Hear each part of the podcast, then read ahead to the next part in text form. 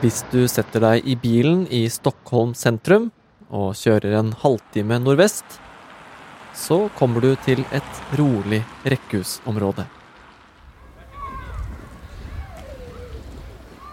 I Hesselby er det gule, hvite og blå rekkehus i en liten grend, med grønne hageflekker og en lekeplass mellom rekkene. Og midt på natta, nå nylig, ligger folk i rekkehusene og sover. Og så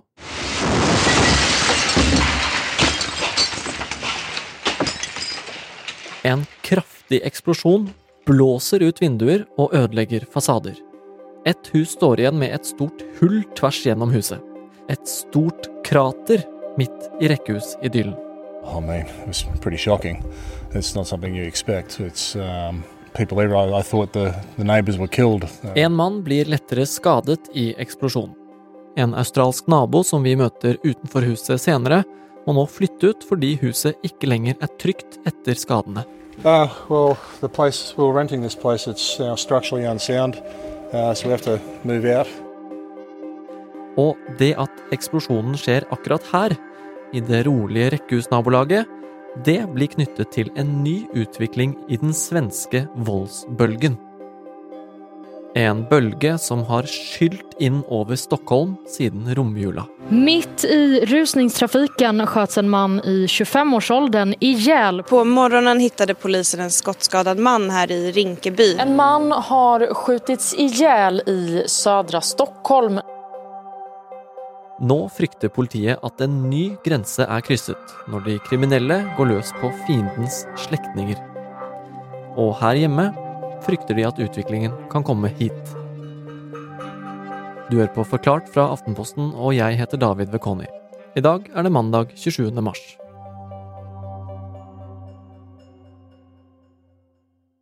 De siste månedene har det vært skyteepisoder nesten hver dag i Stockholm. Og vi ser at eh, både ofrene og gjerningspersonene blir eh, yngre og yngre. Det er som regel tenåringer. Noen er bare 13-14 år. Og vi ser også at de har kraftigere våpen. Ingeborg Mo er utenriksjournalist her i Aftenposten, og jobber mye med Sverige. Der har det lenge vært utfordringer med kriminelle gjenger, men den siste tiden har det eskalert. Den siste voldsbølgen den starta egentlig første juledag. Da var det en mann som ble drept i forstaden Rinkeby. Han skal ha hatt koblinga til drapet på den kjente rapperen Einar, han som som ble drept i 2021. Rapperen Einar har skjutits til døds i var en av Sveriges mest populære i sin genre. innan han alltså sköts ihjäl i natt, 19 år gammal. Da Einar ble drept, så ble det knyttet til et oppgjør i gjengmiljøet. Det har vi laget en egen episode om, som du kan søke opp der du hører podkast. Og nå i romjula, desember 2022, så ble altså en mann med koblinger til den saken drept. Og da var det i gang. Man tror at det som skjedde første juledag, førte til liksom, flere sånne hevnaksjoner. Blant annet så ble det plassert ut sprengstoff ved trappeoppgangen til en annen person som hadde figurert i etterforskning av Einar-drapet. Men det vi har sett de siste månedene, ser ut til å være konflikter i flere gjenger samtidig. Og en av karakterene som stadig dukker opp i det svenske narkomarkedet, er den kurdiske reven. Og den här 36-årige mannen som kalles för kurdiske reven. Den kriminelle lederen, den kurdiske reven. Den kurdiske räven. Han er en 36-åring fra Uppsala og er dømt for både narkoforbrytelser og vold. Politiet mener at eh, den kurdiske reven har eh, blitt en av de største narkosmuglerne til Sverige. De har prøvd å tiltale han igjen, men han er jo ikke i Sverige lenger. For politiet mener at han sitter i utlandet og styrer det som skjer i Stockholm derfra. Og voldsbølgen som har pågått i Stockholm siden romjula, har ført til kaos og at flere liv er gått tapt. Men det kommer bare på toppen av en allerede dyster utvikling. Sverige skiller seg ut negativt i Europa med at de har mange ganger flere skytedrap enn andre land. Kriminalitetsbildet for øvrig, altså som gjelder økonomisk kriminalitet eller innbrudd eller andre ting, Eh, der skiller de seg ikke ut. Men selv i en, en middels stor svensk by som Södertälje, som er på størrelse med Drammen, så var det nesten like mange skytedrap som i London i fjor. Og det her er jo noe politikerne snakker mye om nå. Eh, blant annet eh, snakka statsminister Ulf Kristersson om det i sin juletale i fjor, i desember. Mye unge mennesker dødes og skades, og det er også mye unge mennesker som døder og skader. Men etter det har det jo bare tatt av. Og nå i det siste så har det altså gått enda et steg videre fra det. Gjengkriminaliteten har som regel ramma de som er med i gjengene, eller som har koblinger til kriminelle miljø. Men nå har vi en ny utvikling som har skapt frykt både blant kriminelle og familiene deres. Nå ser det ut til at sprengninger og skytinger også rammer personer som er i slekt med eller kjenner de som er i gjengene. Og dette er en ny måte å ramme hverandre på. Det er nytt, iallfall i Sverige. Ta rekkehuset i Hesseby, for eksempel. Ifølge svenske medier så bodde det en slektning av en rapper i, uh, i huset. Og rappen hadde gått ut uh, ikke lenge før og støtta den kurdiske reven. En annen sak handler om en 25-åring som uh, skulle ha vært med å skyte på et hus der slektninga av den kurdiske reven bodde. Så ble han etterlyst med navn og bilde på TV.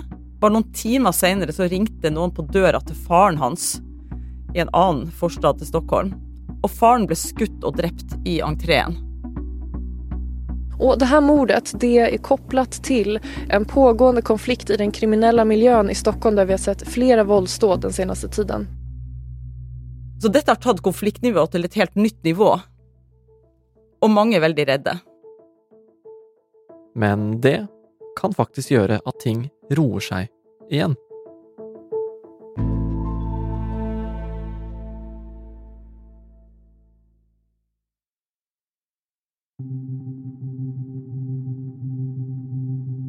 Ingeborg, eh, du sa at Sverige var i en særstilling når det gjelder eh, skytedrap.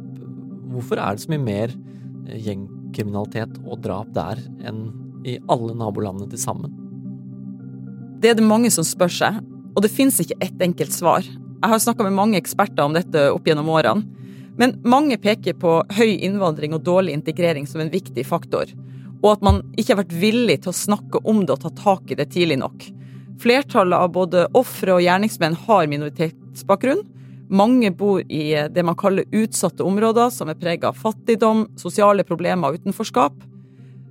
Men så vet vi også at andre land som har hatt høy innvandring, ikke har de samme problemene som Sverige. En annen faktor er at veldig få av skytedrapene har blitt oppklart. Ingen vil vitne, selv om de sjøl er blitt skutt på. Kanskje har man ikke satt inn nok politi tidlig nok, og kanskje har ikke politiet de verktøyene som trengs for å få oppklart sakene og tatt bakmennene. Og så er det også noen som tror at den siste utviklinga da eh, kan forklares også med at det som egentlig var et gjennombrudd for politiet, kan ha skapt en form for kaos. For i 2020 så gjorde politiet i Frankrike, Nederland og Belgia et stort gjennombrudd. De klarte å knekke krypteringen til chattetjenestene EncroChat og SkyECC, og med det så fikk de tilgang til alt de kriminelle som brukte tjenesten, snakket om. Det de så, var at veldig mye av det kunne knyttes til Sverige. Så de delte informasjonen de hadde med svensk politi, og også med norsk. Dette var jo ei skattkiste for politiet, og det gjorde at man kunne se hvem som gjorde hva, i et miljø der ingen ville snakke med politiet. Og det har ført til at uh, mange gjengledere er blitt uh, tiltalt og dømt og havna i fengsel. Det var også gjennom dette materialet at politiet så hvilken rolle den kurdiske reven skal ha hatt, for før det, selv om han hadde blitt dømt, så så man vel ikke på han som en så stor fisk. Men selv om fengslene er full og mange er blitt tatt, så har jo volden økt. Man spekulerer i at uh, det som har skjedd, har skapt en form for maktvakuum eller maktkamp. Eh, fordi de lederne i de kriminelle nettverkene er borte eller i fengsel. Så det kan paradoksalt ha ført til mer kaos. Vi ser jo at terskelen for å skyte er blitt lavere. Mens man før skjøt noen i knærne for å skade dem, så skytes det nå for å drepe. Men hva er det som gjøres nå, da, for å få bukt med denne voldsbølgen? Akkurat nå så pågår det politiet i Sverige kaller en særskilt hendelse. Det er et uttrykk de bruker når det skjer ekstraordinære ting som naturkatastrofer, terrorangrep og andre ting som krever ekstra ressurser. Så de har sendt politifolk fra hele Sverige til Stockholm for å få slutt på voldsbølga. Og de har pågrepet hundrevis av personer og beslaglagt masse våpen og sprengstoff i det siste. Men foreløpig har de ikke klart å bryte voldsspiralen. Og når det gjelder angrepet på familiene, så ser vi at politiet gjør noe de sjelden pleier å gjøre, nemlig at de holder tilbake eller holder skjult personopplysninger om pågrepne. For å hindre at det eh, lekker ut, eh, for å unngå at det skal komme hevnaksjoner mot eh, familier. Men akkurat det, at konflikten har spredd seg til å gå utover familie og bekjente, det kan faktisk være med på å dempe konfliktnivået. Det var nylig en kjent svensk kriminolog som mente at det som nå skjer, faktisk kan være for mye sjøl for hardbarka kriminelle, og at man når ei grense der de sjøl har ei interesse av å få ned konfliktnivået. De vet jo at det de holder på med er en fare for seg sjøl, men hvis også familiene deres blir utsatt, så er det en annen sak. Og Svenske medier har skrevet at flere har tatt kontakt med politiet for å få beskyttelse. Så det kan jo være et tegn på at ei grense er nådd, og det tror jo da denne kriminologen kan være med på å bryte voldsspiralen. Men politiet frykter jo også at det kan gå den andre veien, og at det blir en hevnspiral. Og det er ikke bare politiet i Sverige som frykter utviklingen. For nå er det også ting som tyder på at det som skjer der, er i ferd med å komme over grensa hit til Norge. Utviklingen i Sverige de siste årene bekymrer norsk politi det de har sett de siste årene gjennom tilgang til eh, krypterte meldinger, er jo at båndene er tettere enn det man kanskje trodde at de var. Og at eh, man er jo redd at norske kriminelle skal begynne å bruke de samme metodene som skytevåpen og eksplosiver i Norge, som man har sett eksempler på i Sverige. Harald Stolt-Nielsen, du er eh, krimjournalist her i Aftenposten. Hva er det politiet har funnet ut om den koblingen her fra disse krypterte meldingene? De krypterte meldingene som politiet over hele Europa har fått tilgang til, viser jo at båndene mellom kriminelle i ulike land er mye tettere enn det man kanskje har trodd. De er avhengige av hverandre, og de oppsøker hjelp fra ulike deler av verden hvis de trenger f.eks. narkotika, eller de trenger folk til å begå voldshandlinger som drap eller kidnappinger. At da tyr de til hjelp andre steder, hvis de ikke klarer å finne det i de områdene de selv holder til. En av de tingene Kripos har funnet i materialet, er jo at uh, norske kriminelle har benyttet seg av svenske torpedoer, og at uh, man har sett forsøk på å lokke kriminelle over til Sverige for at det skal bli begått kriminalitet mot dem der. Man ser også i disse meldingene at uh, de diskuterer hvor mye de skal betale for å kveste andre kriminelle. En annen ting er hvor mye narkotika vi har i landet vårt.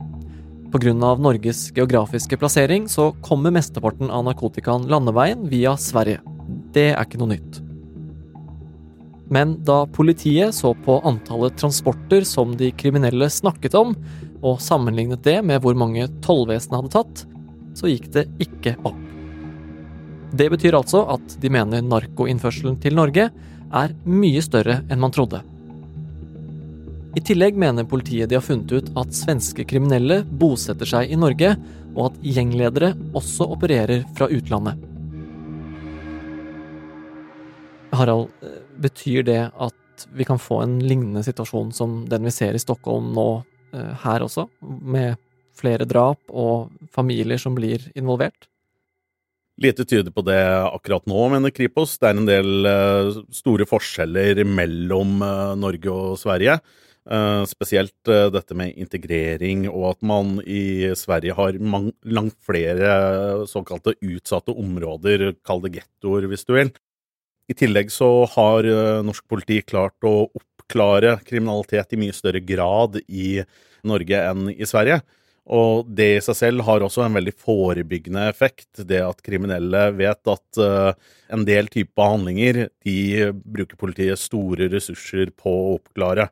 Men det er klart at uh, norsk politi ser med bekymring på det som skjer i Sverige, og vi jobber hardt de neste årene for å hindre at vi uh, opplever lignende tilstander som uh, skyting med automatvåpen utenfor butikker og bruk av eksplosiver for å ta ut kriminelle motstandere.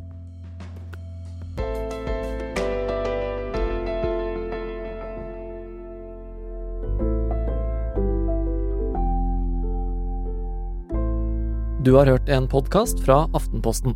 Det var Ingeborg Mo og Harald Stolt-Nielsen som forklarte gjengvolden i Stockholm. Øystein Tronsli Drabløs har tatt opp lyd fra Hesselby, og vi har også brukt lyd fra en privat overvåkningsvideo fra en av naboene til eksplosjonen. Ellers har du hørt lyd fra SVT, Aftonbladet, NRK og Moderaterna på YouTube. Denne episoden er laget av produsent Jenny Førland og meg, David Vekoni.